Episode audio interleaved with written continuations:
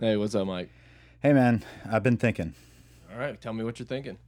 We need to get back in the saddle. Is it time to come back?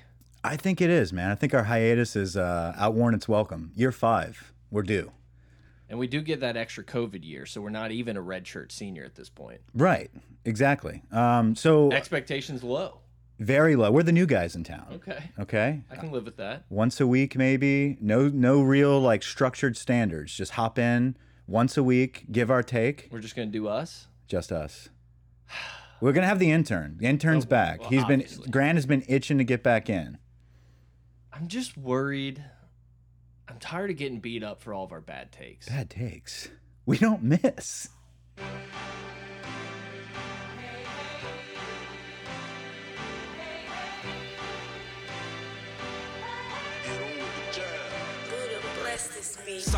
Bo Pelini is a fucking phenomenal hire.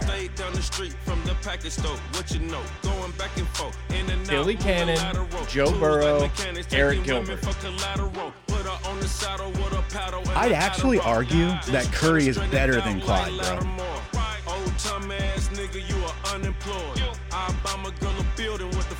We don't need Joe Brady. It's Ensminger's offense. Yeah, I'm two chains, I'm on double up. To be frank, Finley is clearly the future.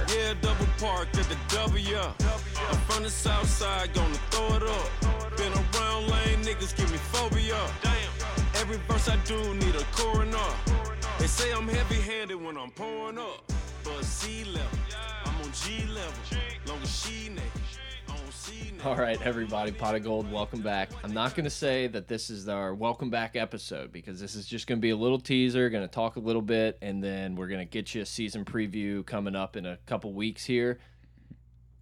Too much time had passed. There's so many things that have been happening, and I think the easiest one to kind of just talk about for a few minutes here is the the big news coming out of SEC media days, and it's going to be the potential conference realignment. I think it's going to be a lot of fun. I'm Brett. I'm here with Mike, just like old times. If you're listening, you know the boys. Grant will be back soon. Don't worry, everyone who asked. Yeah, a lot of people clamoring for the intern to come back in studio. He'll be back.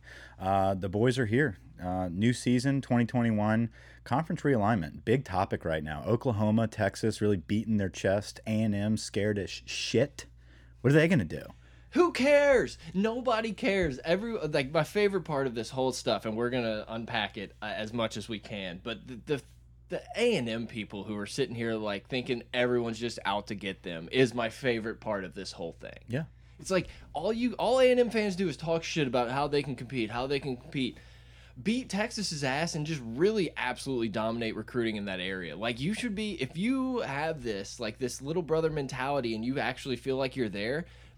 Then you should want bring it with open arms. Yeah. Like, come on, Texas, let's show it. Like we were talking about before we recorded, man, I, I think this is awesome. I'm, I'm college football needs a shakeup. It needs a change. Now, am I sitting here hoping that LSU gets? I'm so excited that LSU gets to play Oklahoma every year, and and Texas is going to be in Baton Rouge every other year. No, I, that's not what this is about.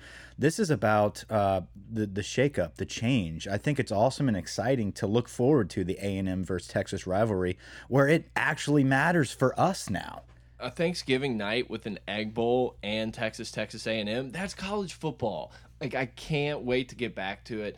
And yeah, we were talking a little bit. It's like would I like LSU to always be in the conference championship, always fighting for a playoff spot? Absolutely. Facts. Absolutely. Obviously, guys, you know, if you heard our intro, we're not wrong a lot. Never miss.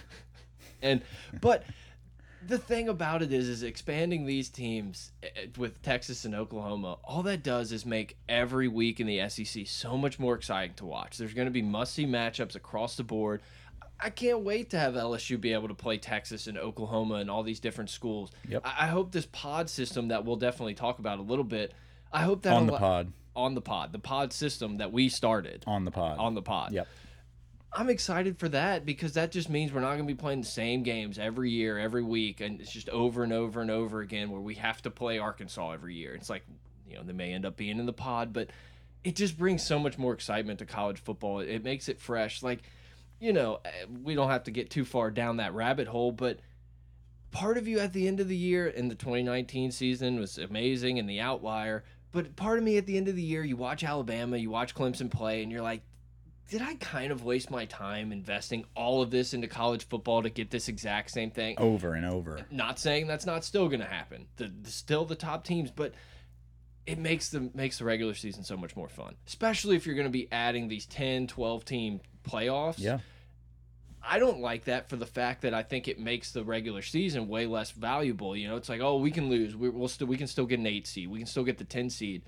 That just means that now now you have all these bigger games. Absolutely. And and the people that are worried about the big name brand like Texas and Oklahoma coming into the conference and thinking that are being so angry at Texas and the Texas fans thinking that they're going to walk in and dominate our conference. That's not the point.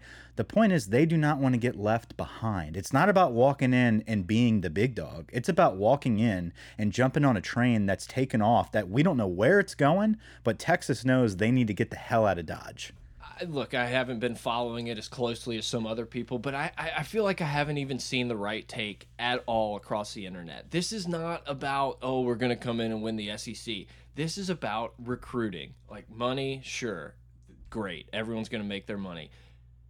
Texas and Oklahoma are tired of being completely out of the recruiting process for a kid because they don't they're not in the SEC Right. because they don't want to play in the Big 12. They come in, I mean, shit, look at Texas A&M. We can make fun of Texas A&M all we want, finishing third in the West every year at best, but Texas A&M was a, a, a mediocre team, an above average team, came to the SEC, and look at their recruiting numbers. They've been able to get a ton, a lot more higher recruits that if they were just sitting there in the Big 12, they wouldn't have gotten. Texas is seeing that. Oklahoma, you couldn't ask to be a better program than Oklahoma right now. They're always in it, always in it, always have a Heisman candidate, have a great young coach. They can't compete at this top level because they don't have enough of that SEC type talent. There's guys that don't want to go there because they know that they're gonna. let- Let's just call it a fact. You go to the SEC, Spade you got a, you got a hell of a good chance of making an NFL roster or making getting drafted. Absolutely. You, don't, Listen, you can't say that for a lot of these Big 12 places. Texas not back. Not never back. You know who is back? We are. We're back. The us, me and you. yeah, no, we're back. Um, a lot to look forward to this season, guys. UCLA uh, coming up Labor Day weekend. It's going to be a big, fun opening game. Going to be amazing. We're going to document that a couple days before. We're going to have our season preview coming up in a couple weeks, which is going to be for for those of you guys. We have a, a strong fan base that's been following us for years now. We like to do a full blown across the country all of college football preview. We talk SEC as well. Uh, that's going to be coming in a couple weeks. We're going to have our UCLA pregame, or we're not even going to call it pregame, postgame crap anymore. We're just going to be chatting it up. Obviously, the first topic for LSU football is going to be versus the Bruins. Um, I think it's the Bruins, right? UCLA Yeah. Bruin Bears, Yeah. whatever. Bill Walton. The Californians, whatever it might be. But guys, we're excited to be back. Uh, we well, look if he forward. played in California, we don't know. we don't know. Deltas. All right. Till next time. Over and out. Ooh.